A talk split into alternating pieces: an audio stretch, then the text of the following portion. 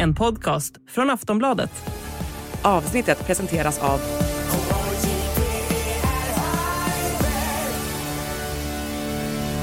Stödlinjen.se, åldersgräns 18 år. Välkomna till Aftonbladets politikpodd En runda till. Jag heter Olivia Svensson och experterna heter Lena Melin och My Råväder. Idag ska vi prata om Sverigedemokraternas bråkbenägenhet i allmänhet och om Jimmy Åkessons karriär som keyboardist i synnerhet. Låt bandet rulla.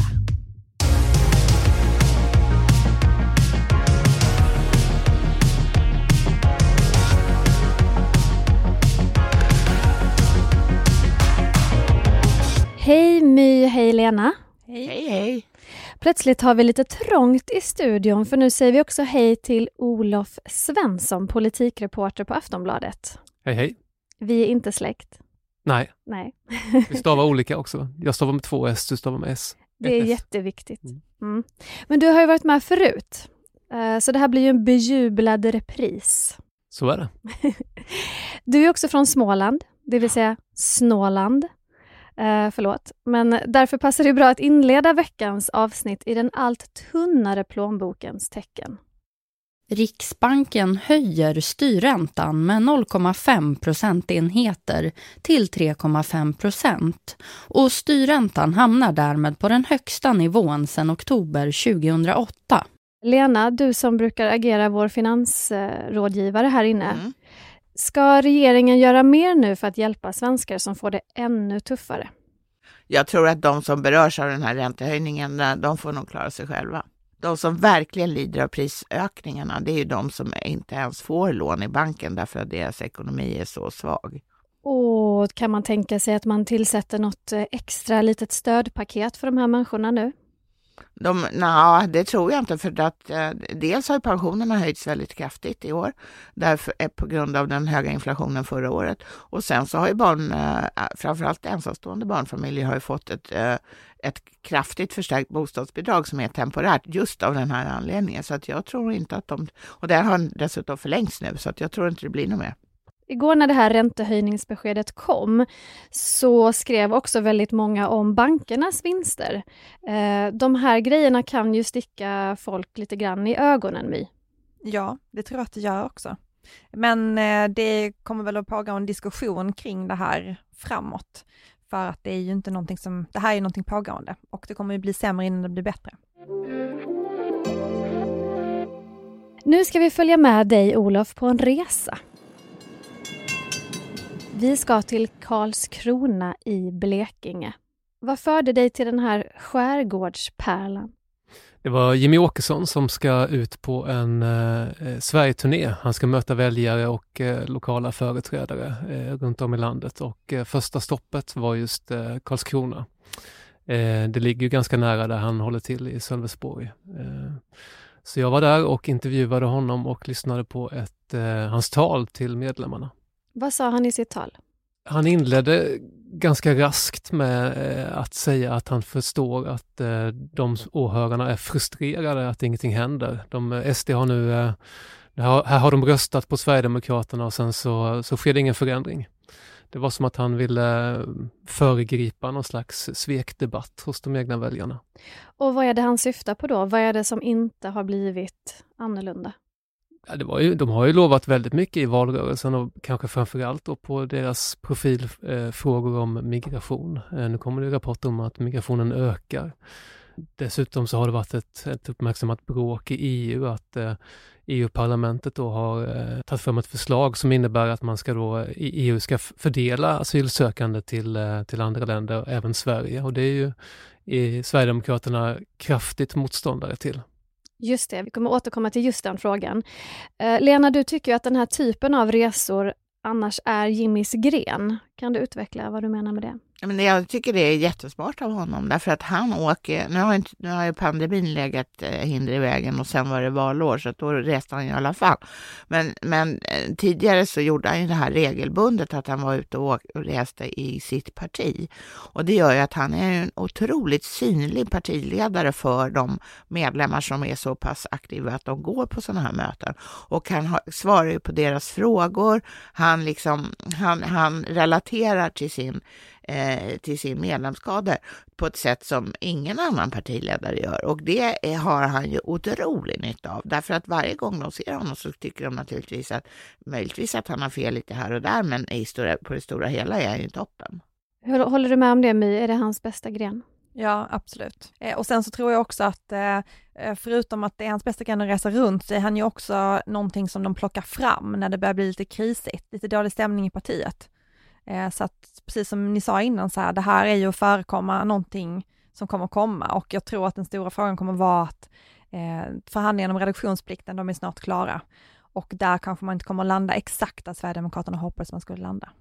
Vi kommer komma in på reduktionsplikten också, men Olof, du noterade ett vindkraftsbråk som kan vara under uppsegling när ni pratades vid, du och Jimmy. Ja, alltså att Sverigedemokraterna är kritiska till vindkraft har ju varit, eh, stått klart ganska länge, men nu på, på en direkt fråga om, om eh, Jimmie Åkesson tänker eh, försöka stoppa utbyggnad av större vindkraftsparker, så säger han ja och säger att det, det här är, um, han tycker inte att det behövs vindkraft överhuvudtaget utan att det räcker med planerbar el, alltså kärnkraft. Eh, och det här står ju... I, och vattenkraft. Och vattenkraft, precis. Tack. Och eh, det rimmar ju inte alls med vad som står i Tidöavtalet, för där mm, står det ju svart på vitt att eh, Sverige ska ha en energimix där även vindkraft eh, ska finnas. Så vem är det som kommer att bråka med SD i den här frågan? Ja, nu eh, senare idag så kommer ju klimatministern att lägga fram en eh, första steget för hur regeringen då vill ta det här vidare med att bygga, eh, bygga ny kraft, eh, vindkraft. Eh, Idag så pratade jag med Ebba Busch, energiministern, och hon säger ju också att eh, vindkraften kommer ha, absolut ha en, en viktig del i Sverige framöver. Var det en fråga som hans partimedlemmar undrade om också när han träffade dem i Karlskrona? Nej, det var det inte, utan de, eh, där fick han mest frågor som eh, det var om sjukförsäkring, det var om arbetslöshetsförsäkring och NATO var det någon som frågade om. Så att det, ingenting om vindkraft. Men fick han bifall när han pratade? Verkade de ändå nöjda med honom eller var det lite risig stämning? Nej, det var, det var han, han är ju den stora stjärnan mm. där, mm. absolut. Mm. De, det var ju en lokal ordförande och sen eh, partisekreteraren som eh, värmde upp publiken, men det var ju tydligt att alla satt och skruvade på sig och väntade på att eh, Jimmy Åkesson skulle göra entré. Om vi då går in lite mer på det här med bråken, då har vi ju vindkraften under uppsegling. Sen har vi eh, Oskar Sjöstedt som trilka, trilskades om reduktionsplikten. I förra veckan var det Mattias Karlsson som ryade på Twitter mot Tobias Tobé om den här så kallade migrationspakten då inom EU. Om vi tar det här med reduktionsplikten först, varför är den frågan så viktig för SD? Därför att de har lovat att sänka bränslet vid pump, alltså bensinpump, jättemycket. Och det tycker du är någon form av bluff? Ja, det är ju en bluff eftersom eh, det kommer inte att gå och det har aldrig kunnat gå. Det var en bluff redan från början och det kommer att avslöjas som en bluff till slut. Är det bara du som har fattat att det är en bluff? Nej, det tror jag inte. Jag tror att jättemånga människor har fattat det.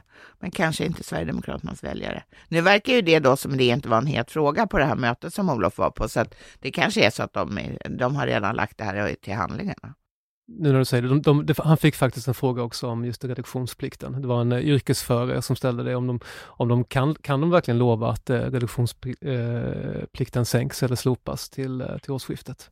Alltså den kommer ju sänkas, men det som är eh, knäckfrågan här egentligen är väl vad det betyder för priset vid pump då, som man kallar det. Eh, och det är ju att alla beräkningar visar på att det inte kommer att bli en sån stor prissänkning som de har lovat. Och det ska ju också ha varit med i den här ehm, anledningen till att man gör det här 2024 och inte gjorde det direkt.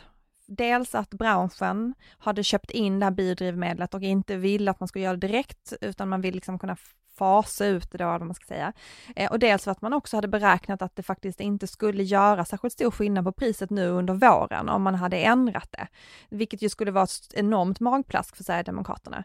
Nu vill man ju då göra det 2024, men även där ser det ju inte ut att kunna bli de här 10 kronorna alls. Alltså det man pratar om är några ören på bensin och kanske 2-3 kronor på diesel.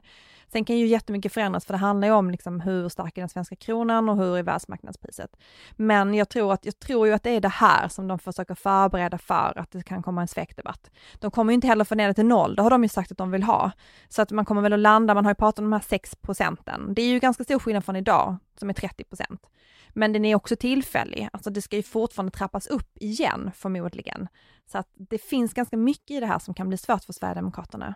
Och Sverigedemokraternas kärleksrelation till bilägarna, bilförarna, den var ju, verkade ju så intakt under valrörelsen. Det verkade vara ett oerhört flörtande med folk som kör bil. Men de har ju till och med ett sidoförbund som är SD Motor. SD Motor, Ja, det här är första gången jag absolut. talas om det. Va? Wow. Ja, de brukar dyka upp när det är... Men de är bara intresserade av en typ av bilar. De som drivs med, med eh, fossila bränslen. Ja, det, är inga, det är inga klimatbilar vi pratar Nej, om. där avskaffade ju den här regeringen med eh, benäget bistånd av Sverigedemokraterna den här elbilspremien. Migrationspakten då, eh, vi pratade lite om den förra veckan.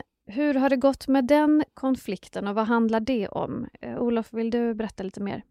Alltså konflikten är väl lagd lite på is skulle jag vilja säga eftersom eh, frågan ska ju nu då tas vidare till nästa steg och då är det ju migrationsministern som, som tar vid. Eh, det, det som jag tycker ändå har blivit tydligt är att eh, Sverigedemokraterna skyller ju allt nu på eh, Thomas Tobé i Europaparlamentet, moderaten. Det, det är han som har förhandlat fram det här och det är han som, vad en enskild EU-parlamentariker gör, det har ingen, ingen inverkan på Sveriges migrationspolitik.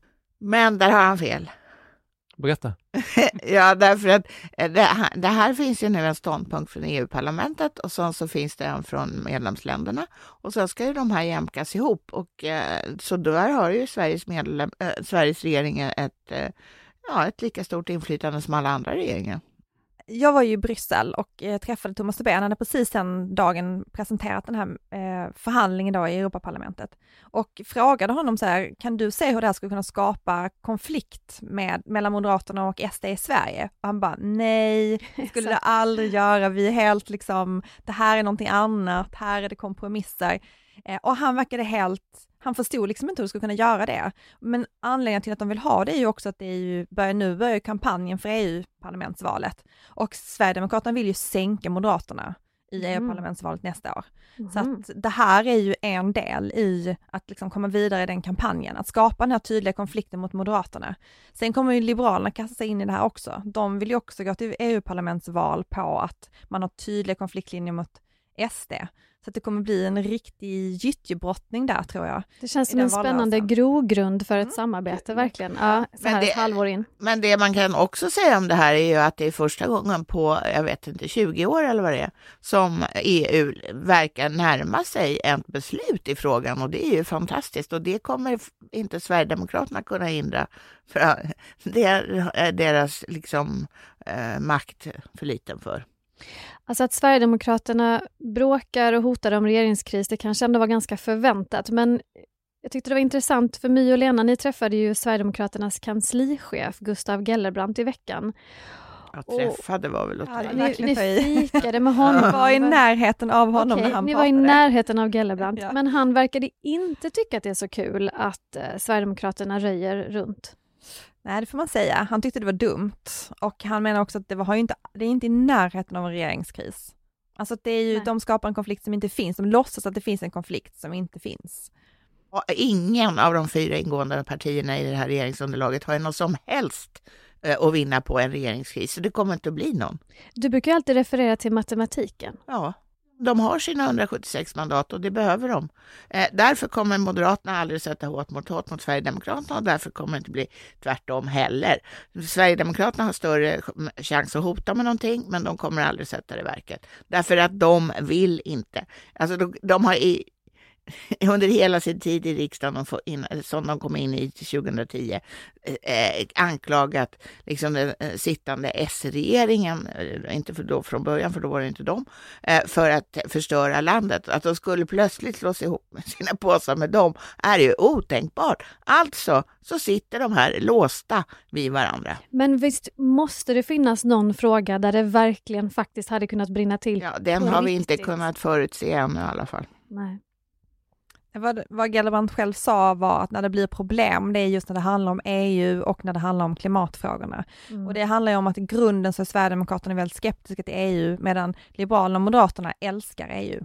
Så att det, där finns ju liksom en inbyggd konflikt, men den får ju väldigt lite betydelse, skulle jag säga ändå, för att det skulle liksom inte, EU skulle inte fälla en regering i Sverige. Det är inte en så het fråga.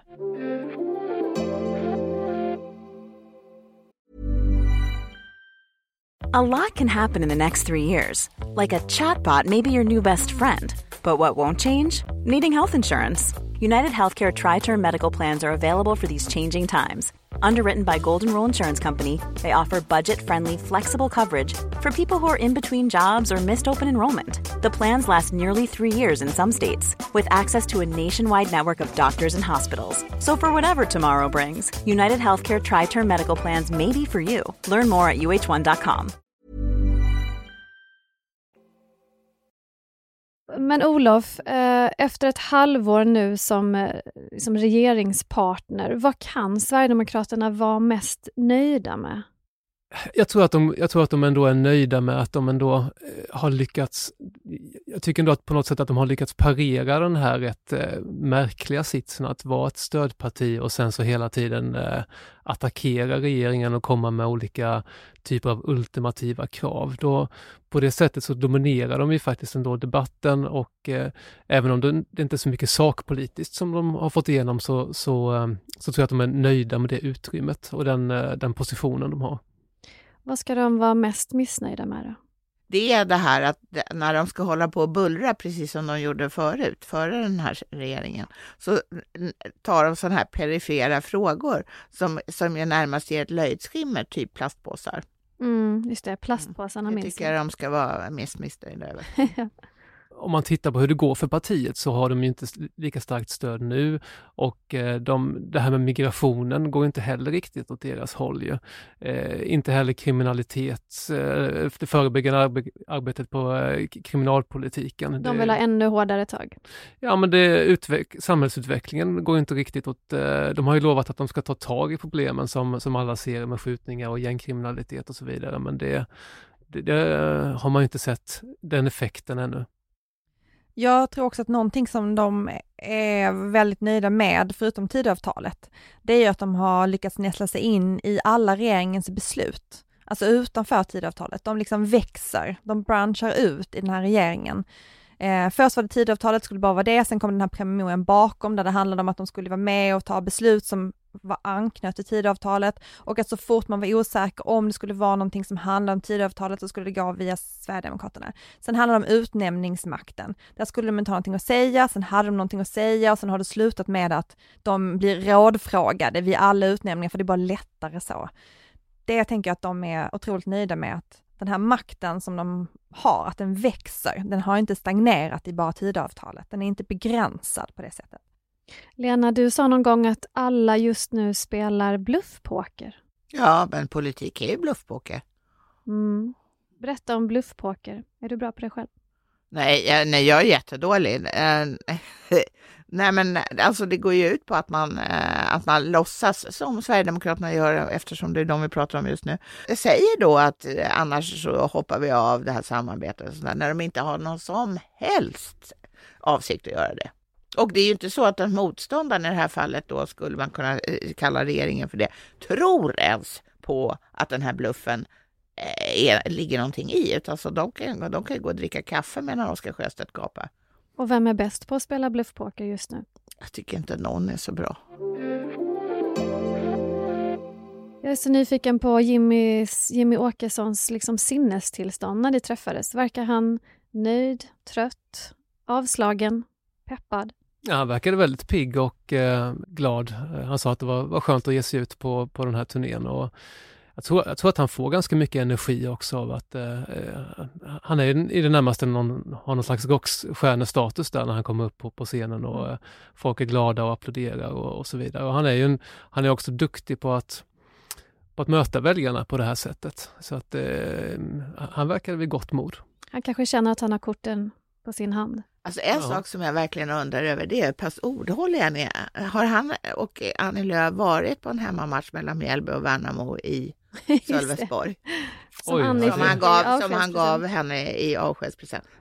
Sa han något om det? Nej, det sa han ingenting om och jag frågade honom inte heller. Men som jag uppfattat det från andra hållet så finns det noll intresse att, att claima den här present, presenten. Men hörni, vi har ju pratat om Sverigedemokraterna nu, nu en stund, men vi har inte pratat om en enda kvinna. Nej, och det beror på att de inte finns. I måndags kväll så meddelade ju Cecilia Blad in Sito att hon lämnar uppdraget som kommunstyrelsens ordförande i Hörby. Eh, jag kände lite mm, att ehm, hur är det att vara kvinna i Sverigedemokraterna egentligen? Det är en omöjlighet. En omöjlighet? Ja, men det är mm. faktiskt det. Det går inte att ta sig fram som kvinna i Sverigedemokraterna. Inte som det har varit tidigare och inte som det är just nu. Sen ibland så tar de lite små tag för att förbättra de förutsättningarna, men det når liksom aldrig hela vägen fram. Eh, men sen ska jag säga med, med Cecilia Bladin Cito, hon är inte en okontroversiell politiker. Det har ju varit väldigt turbulent i Hörby och det, Va? Är hon en kontroversiell sverigedemokratisk och det, politiker? Och det kröntes ju av att hon hade betalat renoveringen på sitt hus svart. Så att det finns ju många anledningar kanske till att hon avgår som inte handlar om att hon är eh, en kvinna i Sverigedemokraterna. Sen så tror jag att det är lättare att vara kvinna i Sverigedemokraterna om du är på lokal nivå, för där tar du liksom inte lika mycket plats i riksorganisationen. Jag har ju under många år eh, fascinerats över hur det har funnits väldigt starka kvinnor i kommunpolitiken, framgångsrika kvinnor, men som riksorganisationen bara inte kan hantera. De har inte kunnat lyfta dem, de har inte kunnat använda dem. De har liksom varit wives and girlfriends Eh, och det är ju ett, en, kon, det är en konstig struktur i det här partiet när det gäller liksom kvinnligt och manligt, tycker jag. Och varför är det så då? För att det är män som dominerar och att det finns liksom ett vän, kompisgäng i grunden. Mm. Och det vet man ju att när grunden är ett kompisgäng så är det väldigt svårt att bygga kring det. De har kämpat kring det också, att omorganisera sig för att det inte ska bara grunda sig på vänskap utan grundar sig på liksom professional, professionalism. Eh, men det är ju fortfarande styrt av ett kompisgäng. Kanske kan förändras om Jimmy Åkesson en dag byts av? Ja, det, så kan det vara. Jag, jag har också nåtts av de här vittnesmålen av att, eh, att kvinnor anser att, de inte, att det är väldigt svårt att ta, ta plats i, i Sverigedemokraterna. Eh, och eh, jag ställde frågan till honom när han då, hur länge han, hur han ser på sin framtid, Jimmy Åkesson, eh, apropå din fråga när han kliver av. Då sa han att han har inte funderat någonting på det. Börjar man fundera på det, då eh, är det ett, en signal om att det är dags att sluta. Eh, han är beredd att sitta över nästa val också. Då blir han ju någon form av rekordhållare. Det är nästan redan. Ja. Han är väldigt uthållig. Han kommer att överleva oss alla.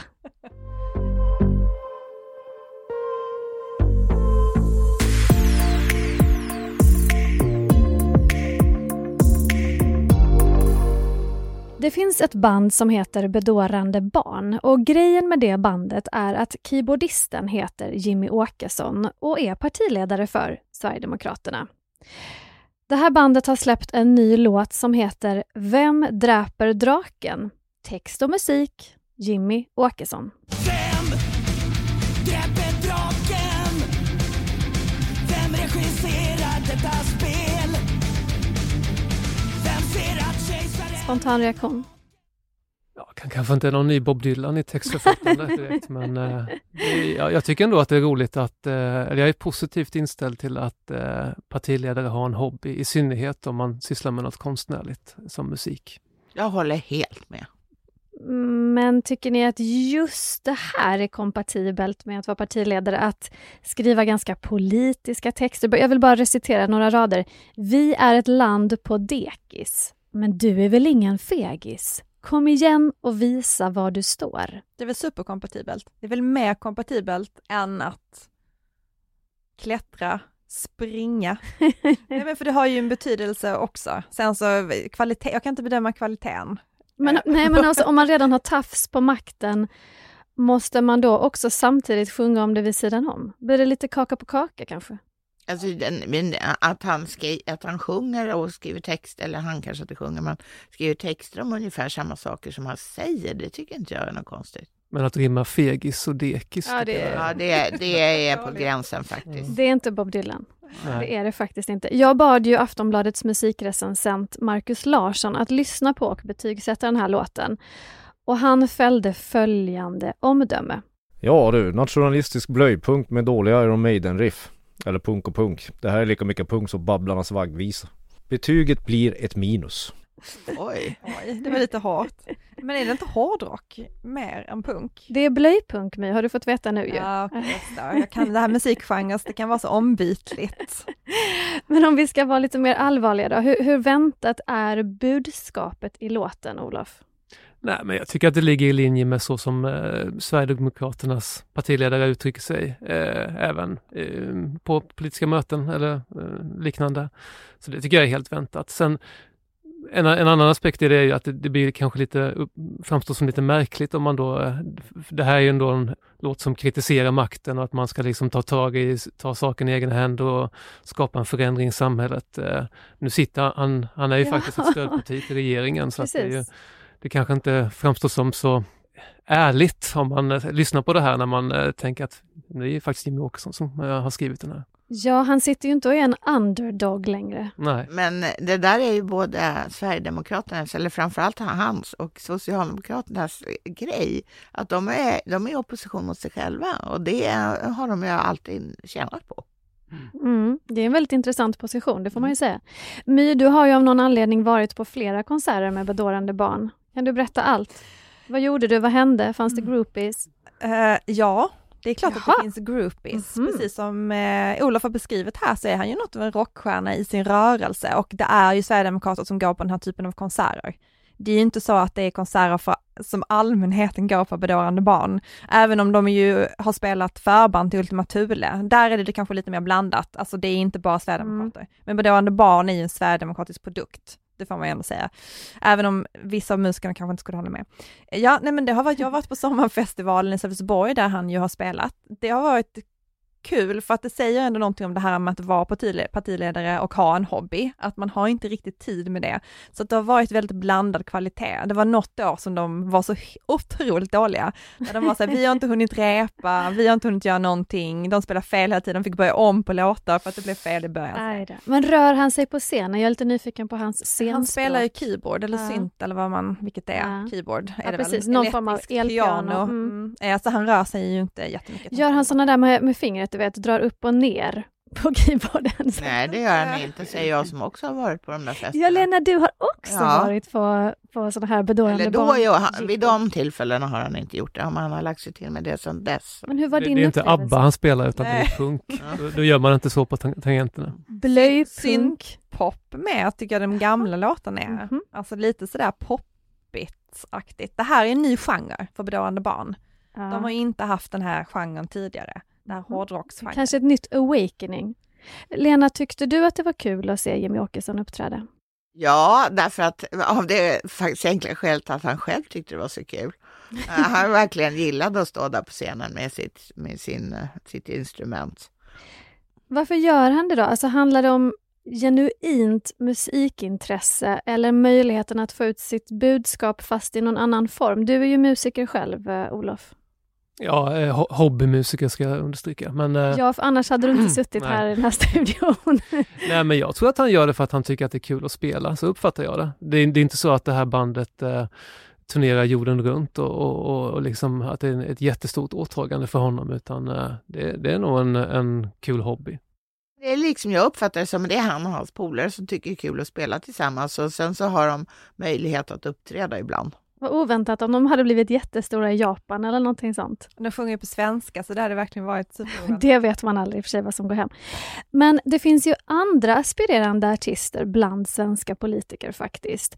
Ebba Busch, vem kan glömma hennes ljuva stämma?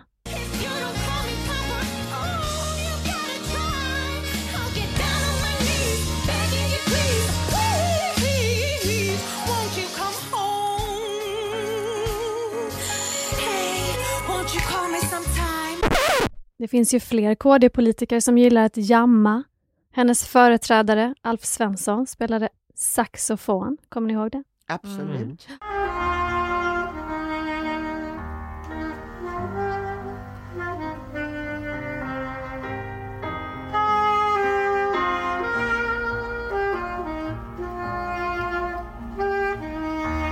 Och Johan Persson han kan sjunga och spela trummor samtidigt, precis som Phil Collins. Kan och kan. Staten och kapitalet sitter i samma båt och är inte de som ror som ror så att svälta nackar och kittlar och kittlar, kittlar mycket hellre deras feta nackar. Jag skulle säga att det där inte är en hobby som han har. Vad är det? Är det ett hån? Men borgerligheten älskar ju den här låten. De Mm. älskar, det är liksom någon slags ironi att som borgerlig politiker sjunga staten och kapitalet med Eva Grön. Så att jag tror att man ska kunna hitta jättemånga klipp på borgerliga politiker över tiderna som har sjungit just den här låten. Får man någon förklaring till varför han gör det här överhuvudtaget? Nu? För att han är en sån härlig kille. Ah, han är en härlig kille. Gud. Vad säger du, Olof? Återigen musikern här i sammanhanget. Var det... Ja, det låter fullständigt bedrövligt. Jag, jag vet inte varför han äh, äh, håller på sådär. jag, jag, jag är i chock. Av någon anledning så tycker ju en del politiker att det här med rap verkar tufft. Vi ska höra Katarina Wahlgren, vänsterpartistisk kommunalpolitiker och forna centerledaren Maud Olofsson. Vi föds alla med olika skedar i munnen mannen. Och ej, Almi prioriterar. Men för att göra vår region mer jämlik behövs en ny politik. För vi är ett gäng med kompisar som inte har någon lust att hänga med. Ute i statusjakt och verklighetsflykt. Nej, vi har vår egen idé. Ja, Det finns ju också ett klipp med Ygeman när han rappar. Det har jag inte med för att jag måste ändå, vi måste ändå kunna Måste leva efter den här dagen. Men visst har de missförstått lite grann en hel genre kanske? Ja, det måste man ändå säga att själva takten har ju... Den har fallit bort Ja. på vägen. Den musikaliska finns Ja. inte med. Sen får vi ju aldrig glömma det här. Coca-Cola Spelar freestyle med fräck musik Fyra bugg och en Coca-Cola Av sommar och romantik Men alltså man kan ändå inte ta med ett sånt klipp där det är en person som Jo. uppenbarligen hatar sig själv medan den personen gör detta. Jag bestämmer och alltså måste Carl Det är Bildt inte samma sak som med. att själv ha skrivit en egen rap och framföra den. Jag är, så, jag är så glad att det är jag som bestämmer. Men det var ju så här att han var på val, det var valrörelse och han var på, eh, vid Ska, Bert Karlssons studio i Skara och hans medarbetare hade bestämt att han skulle göra det här. Alltså Carl Bildt. Och för det är vi honom evigt Ja, tacksamma. vi kommer aldrig att glömma det. Det har gått 30 år, men eh, det kommer att leva i 30 år till. Drabbade av den här musikaliska noja kavalkaden så tackar vi för oss för den här veckan. Tack Lena och My och tack särskilt till Olof Svensson för ditt gästspel. Tack själv. Tack så mycket. Om ni har någon fråga ni vill ställa, tveka då inte att trycka ner den i ett digitalt kuvert och skicka till podcast.aftonbladet.se. Hej då! Hej då! Hej då!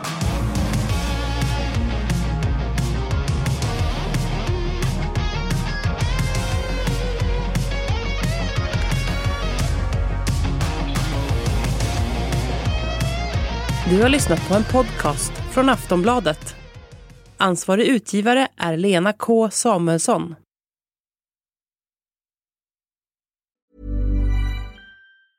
A lot can happen in three years, like a chatbot may be your new best friend. But what won't change? Needing health insurance. United Healthcare Tri Term Medical Plans, underwritten by Golden Rule Insurance Company, offer flexible, budget friendly coverage that lasts nearly three years in some states. Learn more at uh1.com.